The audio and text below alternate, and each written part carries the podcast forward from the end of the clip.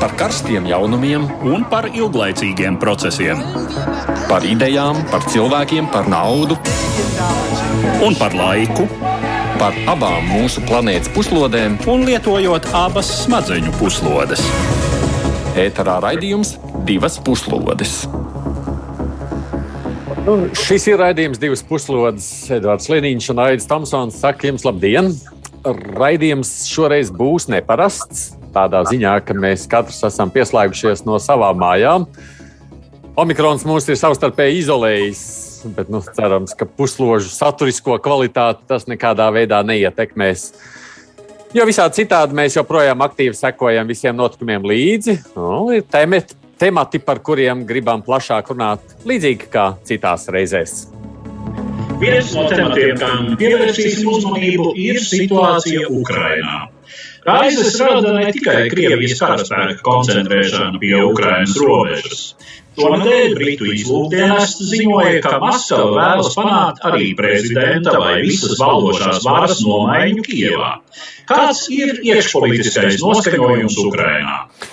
Kaut arī politiķi nebeidz apgalvot, ka Krievijas draudošā rīcība ir vienojusi Eiropas un NATO partnerus kā nekad iepriekš, ziņas, kas pienāk no Vācijas, raisa šaubas ieroču piegāžu bloķēšana, dīvaini izteikumi, kur dēļ amata zaudēja jūras spēka komandieris. Vai Vācija nav kļuvusi par vājāko posmu nostājā pret Krievijas agresīvo rīcību? Un nedaudz laika veltīsim arī Armēnijai, kur nedēļas nogalē no amata atkāpās valsts prezidents Armēns Sarksjans. Viņš to pamatoja ar nespēju ietekmēt politiskos procesus valstī, ko prezidents būtu gribējis ietekmēt. Kas notiek Armēnijas iekšpolitikā? Pārunāsim par šo Kaukāza valsti, kas ir starp citu ļoti atkarīga no Krievijas. Nu, lūk, šie ir mūsu raidījuma plašāk tādi izklāsta temati. Mēs sāksim ar Krieviju un Ukrainu. ASV un vairāk citu valstu vēstniecības personāla evakuācija arī raisīs vēl lielākas bažas par notikumu attīstību. Tikmēr ziņas par iekšpolitisko noskaņojumu Ukrainā nav daudz pārnācis. Gribam tad šodien tam arī plašāk pievērsties. Sākam ar ierakstu. Krievijas militāro spēku koncentrēšanās Ukrainas robežu tūmā neizbēgami atstāja iespaidu situāciju Ukrainas iekšienē, lai gan par kādām panikas vai sakaunieciska noskaņojuma izpausmēm runāt nenāks. Notikumi, kas pēdējās nedēļās saviņojuši Ukrainas iekšpolitisko vidi, kaut notiek uz starptautiskās spriedzes pieauguma fona, tomēr nevienmēr ir ar to tieši saistīti. Tas jāsacina par drošības līdzekļu piemērošanu bijušajam prezidentam Petro Porošenko, ko pirms nedēļas nolēma tiesa Kijevā. Eksprezidentam divus mēnešus liekts pamest valsti un noteikts pienākums ierasties tiesā vai uz nopratināšanu.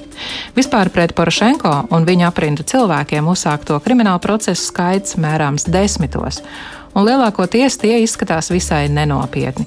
Taču šī lieta varētu būt izņēmums.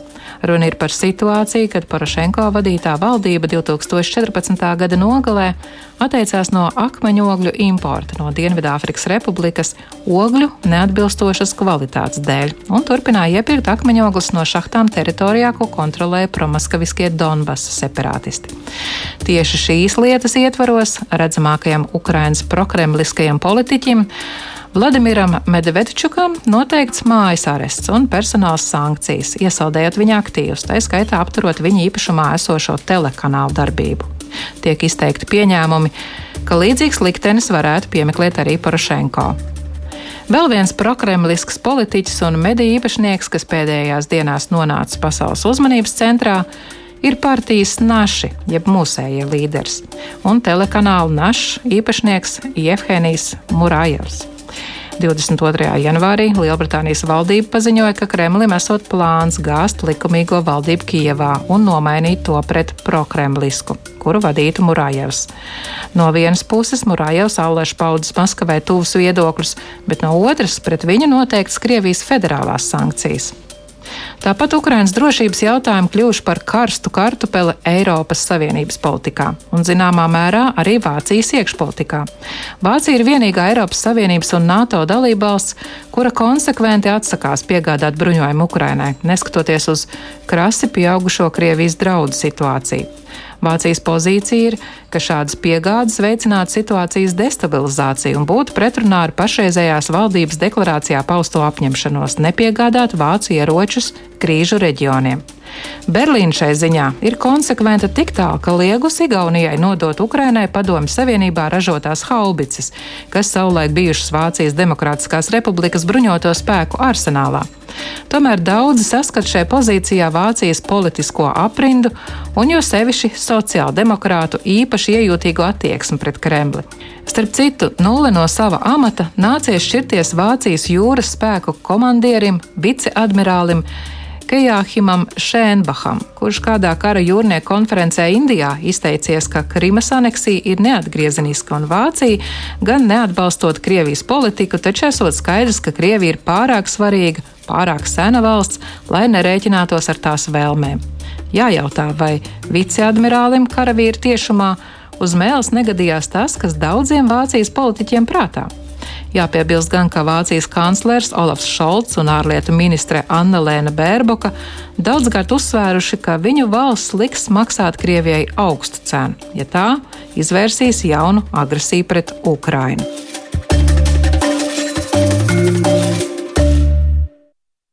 Nu, ja mēs ar Eduardu katrs esam pieslēgušies raidījumam no savām mājām, tad mūsu raidījuma viesis šodien piedalīsies no Vašingtonas, ASV politologs Ants Kudošs šoreiz ar mums. Labdien! Labrīt! Nu jā, tev rīts, mums vakar puse jau lēnā garā slēdzas aizloga. Cik lielu uzmanību, tavuprāt, ir vērts pievērst? Sākam vispirms ar tām britu ziņām par varas nomaiņu Kievā. Uh, es tās neuztvertu kā tādas vissvarīgākās no ziņām. Katrā ziņā, ko var vērot, tad, kad tiek izdarīts kāds spiediens, šoreiz ir runa par ārējo spiedienu, par Krievijas spiedienu, tad, tad daudz kas iznāk ārā, dažādas domas, riski. Parādās arī, kurš ir kurā frontes līnijas pusē. Un eh, es nedomāju, ka tādā ziņā mēs uzzinām daudz ko jaunu. Mēs uzzinām, ir, kurš ir kurš, varbūt ne par visiem, bet par daļu. Tā skaitā gan ārpolitikā, gan iekšpolitikā. Es to iekšpolitikā neredzu pašlaik Ukrainā, ka tur kaut kāda milzīga satricinājuma varētu būt. Viena lieta ir varbūt redzama ar, ar to vienu protestu pasākumu, kas bija, kur izgāja ielās Rīgas centrā, Rīgas centrā piedodiet, Kievas centrā, Porošenko atbalstītāji ar tām uguns lāpām un tam mhm. līdzīgi. Tas bija redzams, ka Ukraiņas pilsoniskā sabiedrība un tāds protestu potenciāls ir liels. Ja būs kaut kādas kustības, kur var būt, es saku, var būt teorētiski pieļaujot Zelenskis kaut kādus mm, spērtu pārāk tuvināšanās soļus. Es runāju tagad teorētiski, teiksim, Krievijas virzienā, tad liela sabiedrības daļa to ne, neatļautu. Un šī ir labā ziņa Ukraiņas nacionālajai drošībai un tādai izvēlei par labu rietumu vektoram ārpolitikā un par labu demokrātijai kā tādai, ka šis protestu potenciāls ir, ir liels un uh, Eh, lielas daļas Ukraiņas sabiedrības izvēle par labu visam, ko mēs saprotam ar demokrātiju un, un, un rietumu attīstības eh, tādu veidu, ir, ir spēcīgs. Es tā teiktu. Pats Mūrājevs saka, ka viņš vakar esot smējies Edvards par šīm ziņām, eh, ko redzējis esot televīzijā. Jā, nu, tas paziņojums bija mazliet dīvains tādā ziņā, ka nebija jau īsti skaidrs, kādā situācijā tas ir domāts. Nu, viena lieta, ja teiksim, mēs iedomājamies, ka uh, Krievijas armija ar pilnu um, iebrukumu, uh, teiksim, tiešām ieņem Kijevu vai kaut vai ieņem Harkovu, un tad, nu, pēc uh, veciem labiem scenārijiem, teiksim, atceramies Somiju ziemas kara laikā, Krievija ieņēma kādu pierobežas apgabalu, toreiz Padomju Savienība, un turpat uz vietas tika izveidota tā sacīt Somijas uh, tautas uh, valdība. Um, nu, uh, teiksim, tāds scenārijs, ka, piemēram, ieņem vēl kādu teritorijas daļu vai varbūt paplašina esošo jau separātistu un Krievijas spēku kontrolēto Luhanskas un Doņetskas apgabalu daļu, un tad nu, tur izveido valdību, kuras priekšgalā stājas šis cilvēks. Vai, teiksim, kaut kā nomainīt Kievā ar esošajā situācijā, nu, tas nav reāli. Ir, ir diezgan skaidrs, ka nav pat Ukrainas austrumos, pat tādā Harkovā, šādam cilvēkam nav pietiekama atbalsta, lai viņš varētu kļūt par Ukrainas valsts vadītāju. Mm -hmm. Es piekrītu, arī es gribēju vēl piebilst, ja mēs skatāmies, kā notika ne tikai Krimas pārņemšana, bet arī not, pirmie notikumi pašās pirmajās nedēļās Donbasā, tātad Luhanskā un Doņetskā, tad tur Arī tad vēl Ukrainas uh, bruņotie spēki un valsts institūcijas kavējās. Un šī kavēšanās un neizlēmība un dažādas sarunas notika starp tiem prokremliskajiem spēkiem ar, ar, ar valdības pusi. Un, ja tur iedziļinās detaļās, iespējams, es, es nesaku simtprocentīgi, bet iespējams, ja viņi būtu izlēmīgāk rīkojušies, arī nebūtu zaudējuši arī Doņetsku un Lugansku. Runa ir pa pašu sākumu, pa pirmajām nedēļām. Tagad situācija ir pilnīgi atšķirīga tā izlēmība ir redzama cauri un cauri Ukrainā. Tāpēc jā, tas ir jāapšauba. Es piekrītu Edvardam arī. Jā, bet tā, uh, tā Porošenko tiesāšana tā kaut kādā mērā vispār iekļaujas visā šajā stāstā. Nu, iekļaujas tādā ziņā, ka tas, protams, ir skatāms kontekstā, tas var uh, vai nu pozitīvi vai negatīvi ietekmēt situāciju. Uh, bet uh, tā pilnīgi noteikti nav Krievijas uh, teiksim, eh, organizēta tiesas prāva. Un nu, jautājums ir par, par Zelenski, teiksim, jautājums ir par pašreizējo Ukrainas prokuratūras vadību, kas ir nomainīta pirms kāda laika, kas ir cita nekā tā bija Porošenko laikā, bet, nu, teiksim, šis tiesas process, tas ir ilgs un uh, Varbūt, kā, kā uzskata mūsu kolēģis Ukrainā, starp citu, Dmitro Ļevušs, ar kuru mēs ierakstītu interviju drīz noklausīsimies, eh, varbūt, ka šis ir gadījums, ka tiešām tur ir pamats vismaz juridiski vērtēt šo situāciju, jo pret Porošenko ir neskaitām, var teikt, nu, tur desmitiem procesu, eh, kurus viņa nelabvēļi par visneiedomājamākiem motīviem ir rosinājuši, un lielākoties tie tiek pārtraukti. Um, nu, kas gan zīmīgi, tad pēdējā laikā, uh, jaunās prokuratūras vadības laikā, uh, retāk, salīdzinoši biežāk, teiksim, šie procesi tiek uzturēti pie dzīvības. Man, man jau vispār šķiet, ka tāda uh, nu, bijušo prezidentu visu laiku tiesāšanu, saukšanu pie atbildības. Andi, tā ir tāda, man liekas, tāda neattīstīta vēl valstu prakse, ne? jo taču attīstītajās. Nē, nav obligāti. Mēs redzam, ne. Francijā tomēr arī bija ja, situācija. Bet, nu, pamatīgs iemesls, tur nav desmitiem procesu. Nu, Pagaidām, no Donalds Trumps jau nu arī vispār tā kā, nu labi, tur bija impeachmenta, nu, jā. kas, kas arī ir unikāls precedents, ja impeachments pēc uh, aiziešanas no amata pēc termiņa beigām. Ja. Es Ukraiņas gadījumā drīzāk skatītos uz oligārhu tēmu kā tādu. Ja. Es domāju, ka tur šī ziņā arī turpmākajos gados var vēl viss kaut kas nākt uh, priekšplānā. Jo Ukrainā joprojām, manuprāt, joprojām tā oligārha ietekme ir par lielu. Gan Ahmetovs, gan Kolomojskis. Porošenko kaut kādā ziņā arī tika uzskatīts par, par oligārku. Viņš ir arī ļoti bagāts uzņēmējs. Un, Tas nu, mums varētu atgādināt drīzāk mūsu Lembergas sāgu, kaut ko tādu. Ja? Daļai, jā, es, ne, es tagad ne, neņemos vērtēt Porošenko tur kaut kādu vainu vai, vai, vai taisnīgumu, bet es domāju, ka pie jauniem politiskiem strāvojumiem oligārhu godīguma jautājums un arī no tiesiskās perspektīvas varētu vēl tikt pacelts vēl un vēl. Jo Ukrainai kopumā šī oligārha ietekme ir jāsamazina. Tā ir pārāk liela uz, uz politisko procesu. Edvards, bet to tavs pieminētais, tas politologs varbūt piesaka to sarunu, jo tur jau mums vēlreiz iespēja viņu būs dzirdēt tagad. Jā, jā nu tā tad mana saruna ar Dmitro Ļevusu, kurš ir Ukraiņu politologs, Uh, Uh, un uh, politisko pētījumu centra vadītājs.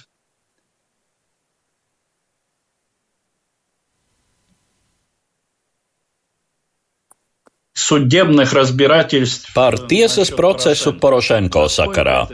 Cik tas ir nopietni? Cik tajā ir politikas un cik kāda patiešām juridiska satura? содержания. Подоплека, конечно, у дела есть. Тогда эти решения принимались по, об обеспечении Украины углем. Lietai, protams, ir politiskas aizkulises. Toreiz šie lēmumi par Ukrainas nodrošināšanu ar akmeņoglēm tika pieņemti ļoti sarežģītos apstākļos, pastāvot diktātam no Krievijas federācijas puses. Porošenko piekritējiem šī lieta izskatās nepārprotami politiska, vēl jau vairāk tai kontekstā, ka ir arī ļoti daudz citu ar Porošenko un viņa loka cilvēkiem saistītu lietu. Pie tam tās skārušas arī aizsardzības ministriju, kā piemēram ģenerāļa Marčenko lieta par it kā nekvalitatīvu bruņu vestu ražošanu. Ģenerālis jau ir brīvībā, un nekas tur nav skaidrs. Šai lietai gan ir zināma juridiskā bāze, cik tālu tā saistīta ar enerģētisko drošību, tāpēc tā viennozīmīgi sacīt ir grūti. Te ir savs vārds jāsaka izmeklēšanai un tiesai. Tomēr, tā kā šī situācija noved pie spēcīgas pretstāves, tad ir labi, ka viss līdz šim noticis bez nopietnas destabilizācijas. Manā uztverē tas apliecina, ka tiesa savu lēmumu ir pieņēmusi patstāvīgi. Nepārprotami pozitīvi ir tas, ka nav notikusi kāda radikalizācija. Ir sākušies gluži citi procesi. Statistika rāda, ka Porošenko un Zelenska reitingi ir izlīdzinājušies, un Porošenko partija Eiropas solidaritāte apsteidz Zelenska partiju Tautas kalps. Taču līdz vēlēšanām vēl ir diezgan daudz laika - divi gadi. Tad šai sakarā par kaut ko runāt ir pāragri. В чем-то, наверное, ну, немного рано в этом плане. Обнародованное британским Britu ārlietu dienesta ziņojums par to, ka Kremlim ir nolūks, cik var noprast, īstenot Kijevā kādu valsts apvērsumu vai kādas citas pārbīdes, kuru rezultātā pie varas varētu nākt prokremliska valdība ar politiķi un mediju īpašnieku Murājevu priekšgalā. Cik nopietni tas izskatās? Насколько это вообще, опять же, серьезно выглядит? Я думаю, что это выглядит э, абсолютно серьезно. Да. То, что такие планы в Москве однозначно есть, это даже, по-моему, не должно обсуждаться. Es domāju, tas izskatās pilnīgi nopietni. Par to, ka tādi plāni Maskavā ir, manuprāt, pat nevajadzētu diskutēt. Patriotiskajās aprindās ir klātesoša tāda pašpārliecinātības gaisotne. Kremlī laikam ir idioti, kuri nesaprot, uz ko liek savu likmi, kurš tad par viņu vispār varētu nobalsot. Viņam taču nav nekādu perspektīvu. Bet Murājevu nevajag vērtēt par zemu kā mediju īpašnieku un kā politiķi. Viņš ir bijis divu parlamenta sasaukumu deputāts. Viņš prot runāt, atšķirībā no daudziem citiem prokrievisko spēku pārstāvjiem. Jā, viņam ir zināms konflikts ar tāpat prokremlisko Medvedčuku, ar kuru viņi cīnās par vienu samērā šauru elektorālo lauku, kas ir apmēram 20% no vēlētājiem. Viņiem ir savs diezgan populārs telekanāls, kurš atšķirībā no Medvedčuka kanāliem nav ticis pakļauts sankcijām. Nu jau gadu viņš ar sava telekanāla palīdzību virza savu politisko spēku, partiju mūsējie un sevi pašu. Ar viņa lielformāta plakātiem ir izlīmēta visa Ukraina, sākot no aizkarpatiem, un viņš braukā pa apgabalu un rajonu centriem, tiekas ar cilvēkiem, to visu translē tiešajā ēterā. Tie ir visai lieli finanšu ieguldījumi, un vēl ir Maskavas darbības prakse jau kopš 2014. gada. Kāds te vispār sakars ar popularitāti vai nepopularitāti? Ļaudis, kas ielikti varas amatos Doņetskā un Luhanskā, līdz tam bija pilnīgi margināli personāži. Pašreizējā okupētās Krimas vadītāja Aksjonova partija vēlēšanās ieguva ne vairāk kā 3-4%. Te jau runa iespējams nav pat par vēlēšanām, bet par citiem mehānismiem. Un šajā sakarā tas, ko teica prezidents Zelenskis intervijā amerikāņu izdevumam par iespējamu Harkovas okupāciju, arī neizskatās kaut kas neiespējams vai pilnīgi aplams. Šādā scenārijā, kad tiek izveidota kāda Harkovas tautas republika vai notiek atklāta militāra okupācija, un tur tiek pasludināta kādas jaunās Ukrainas veidošana, tas ir iespējams. Tāpat var būt runa par situācijas destabilizāciju, un tad Murājeva kā tāda sarunveža iestumšanu vispirms izpildvarā, vicepremjera vai pat premjerministra statusā. Arī tas nav nekas neiespējams. Ir jau arī citi rietumu ziņojumi, kas liecina, ka scenāriju, kuru Maskava izstrādā, ir visai daudz, un tie sastāv no elementiem, kuri var cits citu papildināt, vai kā puzles fragmenti tikt salikti jaunā kombinācijā. Nu jā, tas, ko saka Ļevis kungs, nu, tad izklausās apmēram tā, reiz tā ziņa par Murajevu ir nopuldināta, tad tagad Kremlī varētu strādāt pie nākamā scenārija, apmēram tā, vai ne, Eduard? Nu, tā tas varētu būt. Jā, nē, nu, respektīvi, uh, tur nu Dmitro ir pilnīgi taisnība, ka šo scenāriju fragmentu uh, ir uh, droši vien Krievijas plānotāju rīcībā gana daudz, un pie tā tiek pastāvīgi strādāts.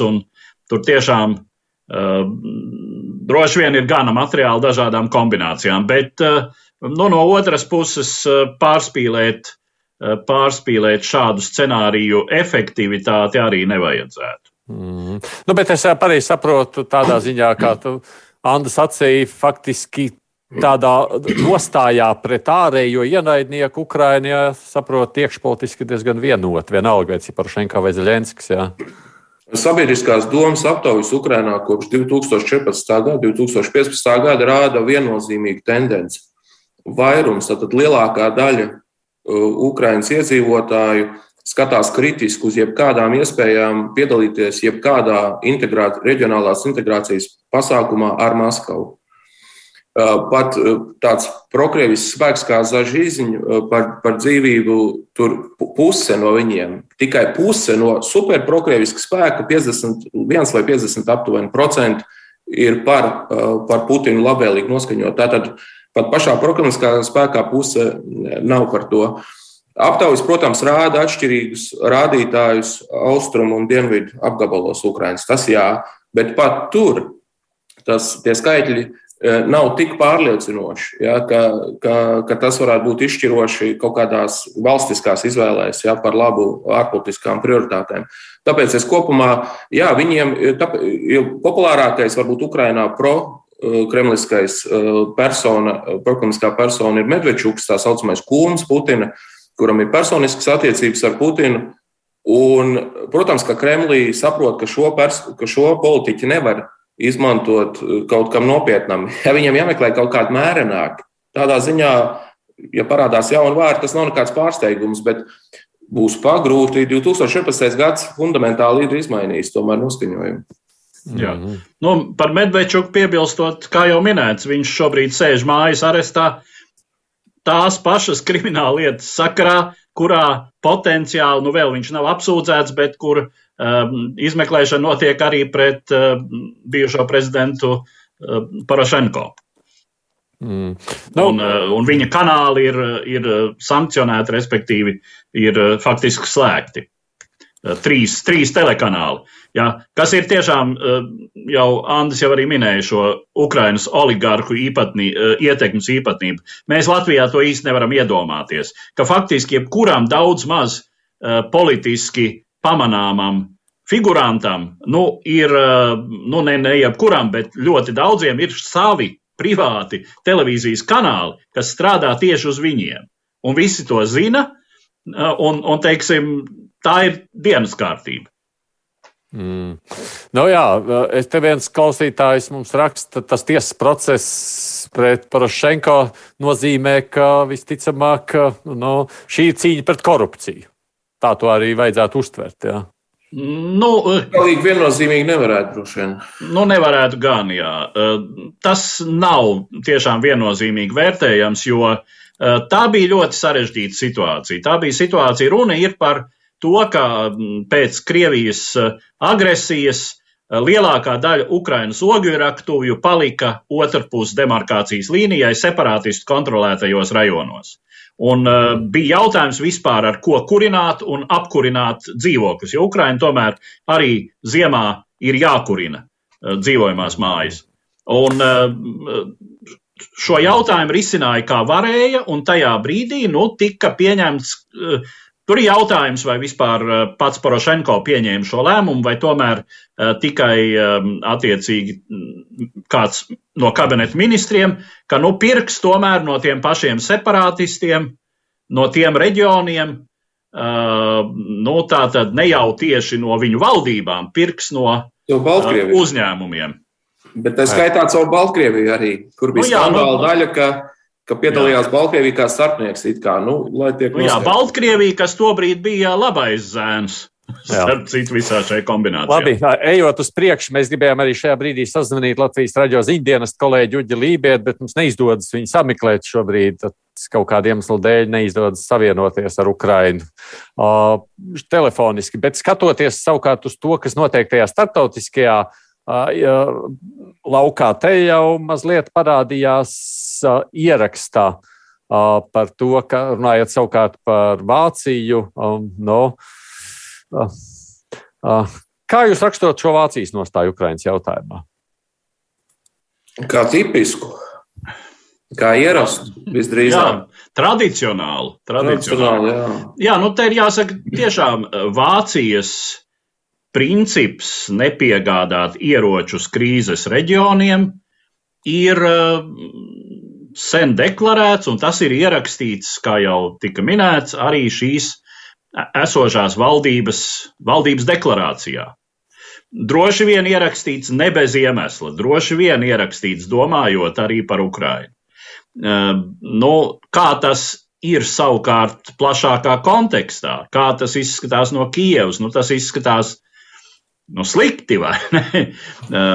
Tas izskatās drusku, teiksim tā, ja. Es tādu, es tādu anegdotisku piemēru atļaušos. Pirms dažiem gadiem es biju Ukrainā, un viens Ukrainas alus ražotājs ražoja alu, uz etiķetēm bija karikatūriski Ukrainai nelabvēlīgu rietumu politiķu attēli. Un tur bija Frau Ribbentrop, proti Angela Merkele. Mm. Tā sacīt, dziesmu dziedu, kāda bija, tāda viņa tur bija nodrukāta. Respektīvi, šis motīvs, ka Vācija ir tā valsts, kas ir gatava nu, piekāpties Krievijai, pakalpot Krievijai, bet tas nav tik viennozīmīgi. Tā tomēr ir Vācijas politikas, Vācijas politikas principi, Ja? Mm. Turēties nost no jebkādiem šādiem riskiem. Mēs esam sazvanījuši pašlaik, kuģi Lībijā beidzot ir izdevies laikam mums viņu sa sakontaktēt. Uģi, tu mūs dzirdi? Jā, dzirdu, sveicināt, sveicināt klausīt. Prieks, prieks tev redzēt, mums dzirdēt, mums tev neizdevās. Vispirms mēs te jau iesākām mazliet par Vāciju runāt, bet, ja es sāku pa priekšu paprasīt, vispār kāds noskaņojums šobrīd valda Ukrainā, kā tu to raksturot?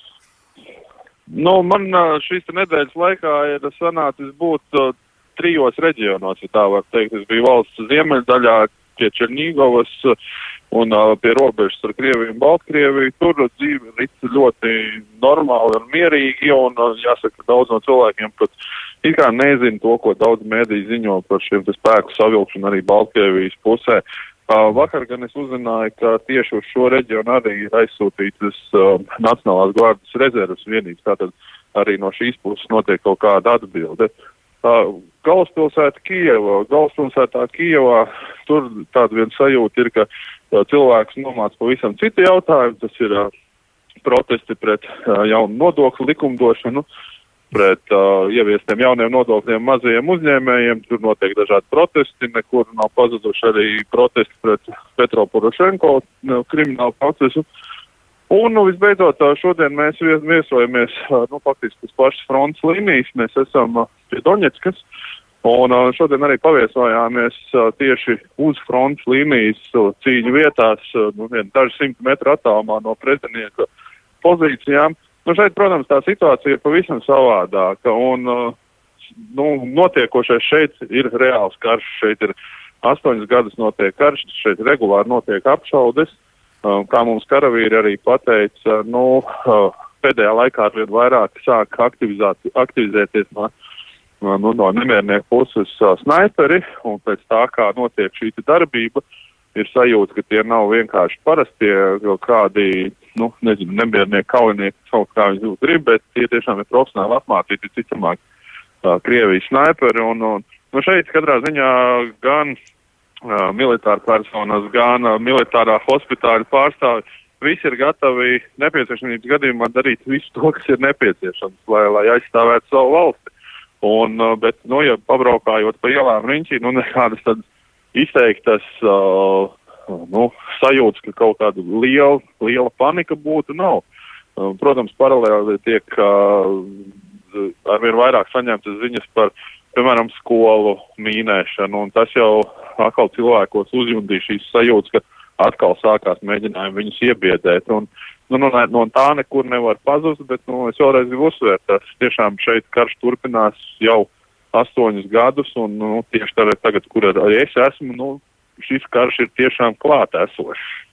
Gaidi? Jā, jā.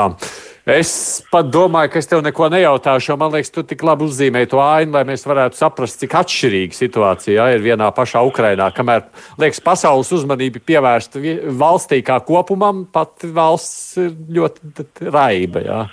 Nu, redz, otra lieta ir vēl viena, kas ir šeit. Nu, tiešām dzīve kara realitāte ir pavisam savādāka. Nu, šie spēki atrodas konkrētās vietās, ir diezgan konkrētas šīs aizsardzības uzbrukuma līnijas. Nu, nu,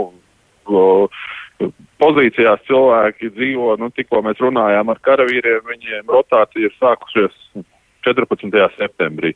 Nu, viņi tātad atrodas šeit kopš tā laika. Viņi katru dienu faktiski vai nu atbild uz apšaudēm, vai, vai kaut kur notiek kaut kāda mīnus sprādziena. Uh, teritorija tāpat šeit ir diezgan um, samīnēta, un tur var redzēt, ka nu, tantuki iet un vāc malku ceļu malās, jo, jo droši vien iegādāties to nav iespējams. Ekonomiskā situācija valstī kļūst tiešām ar vien saspīlētāka, cenas kāpj, cilvēkiem kļūst ar vien grūtāk, un daudz šeit saka, ka tas tiešām ir jūtams un izjūtams. Un, nu, tas, protams, nu, daudziem var arī tiešām psiholoģiski spiest uz nerviem. Un viss šī kombinācijā ar kaut kādu uh, citu veidu uzbrukumu pastiprināšanu, tas ir tas varbūt, ko daudzi eksperti arī šajā pusē saka, ka nu, tas militārais uzbrukums ir tikai viens no risinājumiem, viens no potenciāli pēdējiem risinājumiem soļiem. Līdz tam var būt daudzas un dažādas metodas, kuras mēs pašlaik iespējams pat līdz galam neapzināmies, bet nu, dažādi mēģinājumi izprovocēt, iebaidīt, nu, psiholoģiski spiest, tas ir klātesošs šeit tomēr. Paldies, Uģi. Uģis Lībijams, kolēģis, mūsu ziņdienas kolēģis, kurš šobrīd atrodas Ukrainā. Jā, dodoties tomēr vēl uz priekšu atgriežoties pie šīs pašas Vācijas jautājuma, jeb starptautiskās sabiedrības, jo realitātē jau kamēr jā, Ukrāņi paši uztraucās par to, kā viņiem izdzīvot un kas tur tālāk notiksies, tikmēr starptautiskā sabiedrība jau tur ir, nu, uz to raugās krietni tādā ziņā, nezinu, citādi. Varbūt ja tā vienkāršāk to sacītu. Andi, tu savuprāt par to, kāda ir tā pašreizējā situācija runājot par. Jā, es te Vašingtonā runāju nesen ar Ukraiņas pētniekiem, jo te, protams, sabrauc no dažādām valstīm uh, stažēties, un tā skaitā arī Ukraiņi. Un, protams, ka viņi ir sarūktināti par Vācijas nostāju, bet arī pārsteigumu īpaši nav. Vācija, protams, te ir tādi divi punkti. Viens ir komplekss no otrā pasaules kara, sevišķi komunikācija ar Krieviju, tie joprojām ietekmē to. Otrs ir šis uzņēmējdarbības un vispār ekonomiskā interešu jautājums. Runa, protams, ir par Nord Stream 2, par, par Vāciju kā tādu ļoti nozīmīgu tirzniecības partneri Krievijai. Jau tradicionāli Vācijas loma Eiropas Savienības kopējā ārpolitikā attiecībās ar Krieviju un vispār uz austrumu pusi, ja Vācijai ir tāda zelta akcija. Viņa vienmēr ir visietekmīgākā un visvairāk ietekmē procesus. No vienas puses, vācieši zina arī nu, tīri vēsturiski šo reģionu pārzina. Tas ir tā pozitīvā daļa. Vēl pozitīvais tas, ka Vācija var ietekmēt Krieviju. Ja Vācija saka, piemēram, stop, nu, tad Putinam ir tomēr divreiz jāpadomā, vai viņš turpinās kaut ko darīt. Un, un kas ir tā vājā puse, ko mēs tagad arī redzam? Ja Vācija neizrāda šo vēlmi pateikt stop, nu, tas sašķoba nedaudz tādu Eiropas, nevis nedaudz, bet pamatīgi Eiropas Savienības kopējo ārpolitiku. Par NATO Nu, es biju pozitīvi pārsteigts, atzīšos, kad Vācija piekrita spēku, ar saviem spēkiem piedalīties paplašinātajā NATO kaujas grupā un Lietuvā dislocēt. Es biju pozitīvi pārsteigts. Es domāju, tas bija tāpēc, ka viņu kalkulācija bija principā pareiza, ka Putins neuzbruks NATO. Viņš nav tik izmisis, lai tagad likvidētu savu režīmu un, un piedzīvot Krievijas sakāvi. Ja tur būtu jābūt lielākam izmisumam, Putins tēlo izmisumu, tēlo saistībā ar Ukrajinu, jo tur nav izmisuma. Raķešu nav, par kurām viņš stāsta, ka 5-7 minūtes lidos. Bet uh, kopumā arī par Vācijas nostāju jau, es domāju, arī ne tikai Ukrāņiem, bet citiem arī ekspertiem, arī tīri, ko mēs redzam tādā publiskā komunikācijā, ir nav pārsteigumi, bet ir sarūktinājums. Jo tas, protams, vājina kopējo nostāju. Tad, kad 2014. gadā pēc Krievijas agresijas Angela Merkele devās uz ASV un tikās ar Obamu, Taču sankcijas uh, bija vienotas, koordinētas, ne visas, bet daļa. Eiropas Savienībai ar ASV, tas bija viss spēcīgākais, kas var būt, un visgrūtāk paliek uh, Kremlim manevrēt. Jo, ja Eiropa ar, ar uh, Ziemeļameriku runā vienā balsī, tad, tad Putinam paliek vienīgais manevru iespējas, ko viņš arī darīja, tas bija virzīties Ķīnas virzienā, kur ir asimetrija, kur viņi nejūtās komfortabli, un viņi tēlo, ka tur viss ir labi, bet nav. Tagad nav laika visas detaļas izrunāt. Tāpēc tagad šis Vācijas nostāja mazina šo vienoto spēcīgo runu komunikācijā ar, ar, ar Krieviju. Mm. Ja Eiropas komisijas Latvijā prezidents Andris Gobiņš ir pie klausulas, es ceru, ka es arī viņu varu šobrīd dzirdēt. Sveiks, Andri! Sveicināts! Sveic! Tu jau savukārt sacīji, tad, kad Merkels pēdējās mēneši bija, tu esi sarūknāts par Merkels nostāju. Tad tagad, ko tad tu saki par Vācijas nostāju Ukrainas kontekstā? jo dziļāk eh, purvā, jo trakāk man jāsaka, jo tagad tas, eh, protams, ir dabīgais pieslīpēšanās posms, kur jauna valdība, jauni ministri, jauns eh, kanclers prasa savstarpējo pieslīpēšanos, bet tas, ka aizies tik dīvainā, dīvainās pozīcijās un ka, kur praktiski visa Vācija šķīst ārā pa vīlītēm, ja gandrīz tā drīkst teikt, gan politikā, gan ekonomikā, gan, gan izcilais spārnotais teikums, kas tikko bija jūras spēka admirālim, tātad pat mili, militārā pus, e, pusē tur ir mulsums par, par, par elementāro faktu izpratni. E, jāsaka, daudz skumjāk nekā sākotnēji likās, lai gan tīri ārlietu ministrijas pozīcija ar, ar, ar, ar, ar, ar to Berb, Berboks kundzi atkal īstenībā ir ideālais sastāvs, bet viņa jau otrajā dienā pēc amatā stāšanās kanclers, kas ir tāds, nu, uh, E, no partijas, kas ir ļoti šrederizēta, ja tā drīkst teikt, pietuvināta Putinam,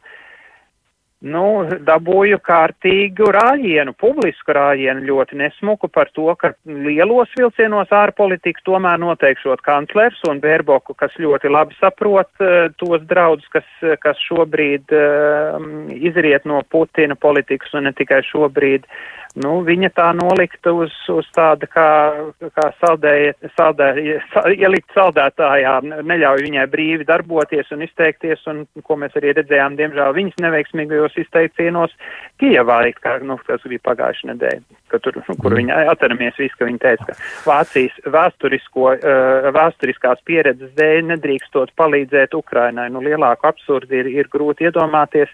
Nu, cilvēkiem mēdz būt šizofrēnijas un šķeltas personības. Nu, šeit mēs to piedzīvojam, diemžēl, Vācijas politikā visas lielās pasaules priekšā un, diemžēl, ar, ar ļoti negatīvu jau līdzšinējo ietekmi uz, uz globālo politiku. Un, šī, un kā tas būs tālāk? Šī, tālāk?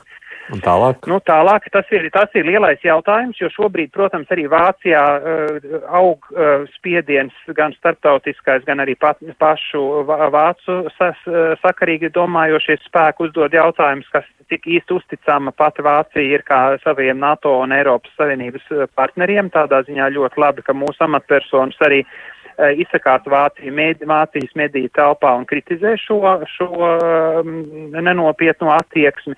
Arī par Gazprom jau drusku, Gazprom un šo Nord Stream jau drusku, drusku tā piesardzīgāk pēdējās dienās runā, bet, nu, ziniet, viss vēl tikai runāšana, reālie darbi šobrīd ir vēl atkal vēl trakāk īstenībā nekā varētu iedomāties.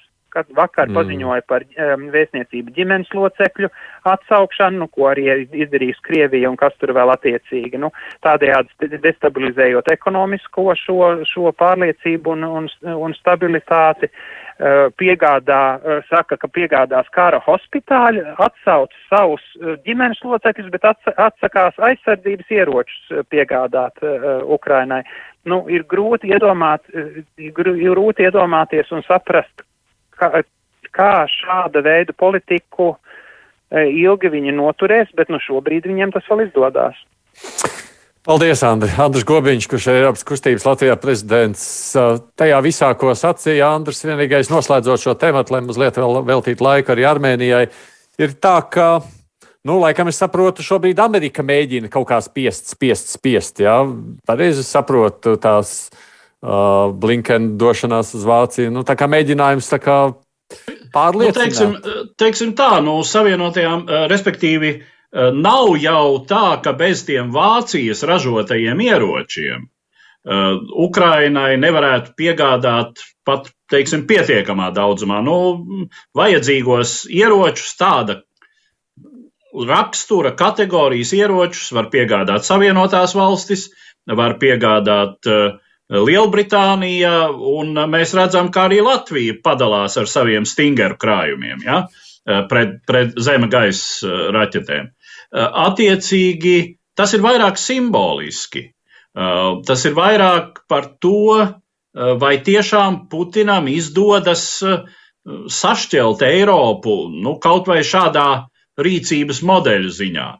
Un tas, kas, protams, ir absolūti mulsinoši par to visu domājot, nu, ir šie mm, analfabētiski, vēsturiski analfabētiskie Vācijas izteikumi par to, ka uh, nu, mēs nedrīkstam piegādāt ieročus, ar kuriem potenciāli varētu nogalināt krievus, jo, lūk, mums pret krieviem ir tā sacīt vēsturiskā vaina.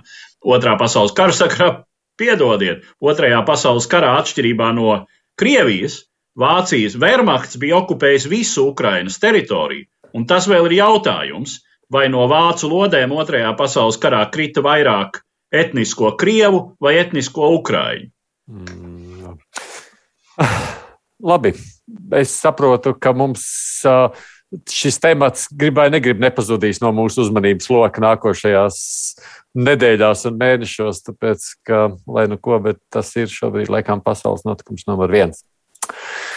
Bet, nu, līdzīgi kā pagājušā reizē, lai nav jārunā tikai par Krieviju, mēs gribējām arī šoreiz pievērsties vēl vienai valstī, kas arī ir postpadomju teritorijā un kuras rīcība šad un tad liek saraut uzacis. Tur no amata šoreiz ir atkāpies valsts prezidents. Nu, tas ir tāds uzmanību pievērsošs notikums, lai arī mēs šodien runātu par Armēniju. Vispirms mums ieraksts. Prezidentam nav nepieciešamo instrumentu, lai tautai un valstī grūtos laikos ietekmētu būtiskus ārpolitikas un iekšpolitikas procesus. Tā savu svētdienu paziņoto lēmumu atkāpties no amata skaidrojas Armēnijas prezidents Armēns Sarkisjans. Viņš tika ievēlēts par valsts galvu 2018. gada martā, kā pirmais prezidents pēc konstitūcijas maiņas, kas padarīja Armēniju no prezidentāla parlamentāras par parlamentāru republiku. Prezidenta varas funkcijas tobrīd tika radikāli samazinātas par labu premjerministram un valdībai, un tādējādi līdz tam prezidenta amatā bijušais Seržs Sargs Jans, kuru 2018. gada aprīlī ievēlēja par premjerministru, saglabāja savās rokās nozīmīgāko varas apjomu. Taču šī rokāde izraisīja plašus protestus, kuru priekšgalā nostājās opozīcijas politiķis Nikols Pašinjans. Sekoja premjera Sarksjana atkāpšanās, un maijā par valdības vadītāju tika ievēlēts Pašiņjans. Jau drīz pēc tam prezidents Sarkasjans nāca klajā ar iniciatīvu pārdalīt varas funkcijas par labu prezidentam, tā kā esošā sistēma esot nesabalansēta. Turpmākajā laikposmā starp prezidentu Sarkasjānu un premjeru Pašiņjānu vairāk kārt notikusi rīvēšanās pēc tam, kad 2020. gada rudenī Armēnijas spēki cieta sakāvu militārā konfliktā ar Azerbaidžānu, prezidents izteicās, ka premjerministram būtu jāatkāpjas un pauda neapmierinātību, ka esot atstāts malā sarunu procesā par uguns pārtraukšanu. 2021. gada janvārī prezidents vēlreiz rosināja mainīt konstitūciju, un februārī Kad Pašiņāna atkāpšanās pieprasīja vairāki desmiti Armēnijas bruņoto spēku virsnieku, prezidents faktiski nostājās armīnieku pusē, atteikdamies apstiprināt valdības lēmumu par ģenerāla štāba priekšnieka ģenerāla pulkveža Gasparijāna atstādināšanu no amata. Jūnijā notikušās ārkārtas vēlēšanās Nikolā Pašiņjana vadītā partija Pilsoniskā vienošanās guva uzvaru, un viņš saglabāja premjeru posteni. Prezidenta Armena Sarkisjāna atkāpšanās ir diezgan negaidīts solis. Līdz prezidenta ārkārtas vēlēšanām, kam jānotiek apmēram pēc mēneša, valsts galvas funkcijas pildīs parlamenta priekšsēdētājs Alens Simonjans. divas puslodes. Atgādījums studijā kopā ar mums ir politologs Andris Kudors. Andi, kāpēc tieši tagad Armēnijas prezidents paziņoja par pilnvaru nolikšanu? Jā, labs jautājums. Maz informācijas publiskajā telpā. Tie, kas, tie, kas ir tādi proklimliskāki spriedēji, tad pārmet, ka, ka Armēns Arksjans ir viens no vaininiekiem tajā visā, kas notika konfliktā, tādā Armēnijas virzībā uz demokrātiju pašiņāna laikā, lai gan nezinu, cik tam varētu piekrist. Uh, viņš tiek kritizēts par to, ka viņš nemaz nav ar sirdi Armēnijā un tūlīt atkal dosies uz Londonu dzīvot, kur viņš jau kaut kādu laiku dzīvoja pēc tam, kad uh, šķiet 96. un 97. gadā viņš bija, starp citu, premjeras Armēnijā, un pēc tam esot atkal devies dzīvot uz, uz Londonu, un tagad atkal būšot tāpat. Nu, vēl tiek pārmests, ka viņš izvairās no atbildības. Esot jāparaksta līgumi ar Azerbaidžānu un Turciju par, par, kaut, par sadarbību, par risinājumiem eh, Karabahā, un ka viņš negribot to parakstīt un negrib būt klātesošs tiem procesiem. Eh, grūti spriest par, man atklāt sakot, nav tādas tiešas atbildes, kāpēc tieši tagad. Es domāju, tie nākamie soļi būs redzami, vai viņam ir vēl kaut kādas arī politiskās uh, ambīcijas. ambīcijas. Edvards, tavu versiju. Nu, viens tāds fakts, kas varētu būt un varētu nebūt ar šo saistīts, ir tas, ka arī pēdējā mēneša laikā ir bijušas sadursmes uz Armēnijas un Azerbaidžānas robežas, kur ir gājuši bojā daži armēņu karavīri. Eh, nu, kas ir teiksim, tas eh, moments, ka šoreiz eh, tā vairs nav Kalnu Karabahas jeb Arcahas teritorija, kas starptautiski tiesiski vienmēr ir bijusi Azerbaidžānas daļa, bet Armēnijas spēku kontrolēta. Tātad līdz šim militārā darbība ir notikusi faktiski Azerbaidžānas teritorijā no starptautisku robežu viedokļa. Eh, šeit, nu, teiksim, kritušie eh, tieši Armēnijas robežu iekšienē, nu, tajā rajonā, eh, kur šī robeža apmēram 25 gadus faktiski nav pastāvējusi, jo uh, ar, Armēnijai pieguļošos Azerbaidžānas apgabalus kontrolēja armēņu spēki pēc kara 1900, kas noslēdzās 1994. gadā. Uh, varbūt, ka šis ir kaut kādā ziņā bijis tas pēdējais piliens uh, ar bažām par to, ka var sākties jauns konflikts, kas skartu šoreiz jau ne tikai armēņu apdzīvotos rajonus Azerbaidžānas teritorijā, respektīvi Kalnu Karabahu, bet arī pašu Armēnijas teritoriju. Nu, vēl jau tas strīdīgais jautājums par Armēnijas spēku sūtīšanu uz Kazahstānu, kad tur bija. Nu, Armēnijas, cik es saprotu, Armēnijas spēki kā tādi, manuprāt, Kazahstānā nebija, bet jā, nu, Nikola Pašiņjans šobrīd ieņem šīs uh, kā to pilnā nosaukumā sauc, aizsardzības līguma organizācijas valstu, nu, prezidējošās valsts statusā šobrīd ir Armēnija. Un viņam bija jāpieņem tas lēmums, ka šo līguma organizācijas valstu spēki, kur, protams, lielākā daļa bija Krievijas, esot arī Baltkrievijas bijuši, ja, tiek sūtīti uz Kazahstānu. Tas, ievērojot viņa paša politisko biogrāfiju, nu, mm, tas ir tāds. Strīdīgs. No, nu, es teiktu, viņam, viņam šī izšķiršanās droši vien nebija viegla. Jā.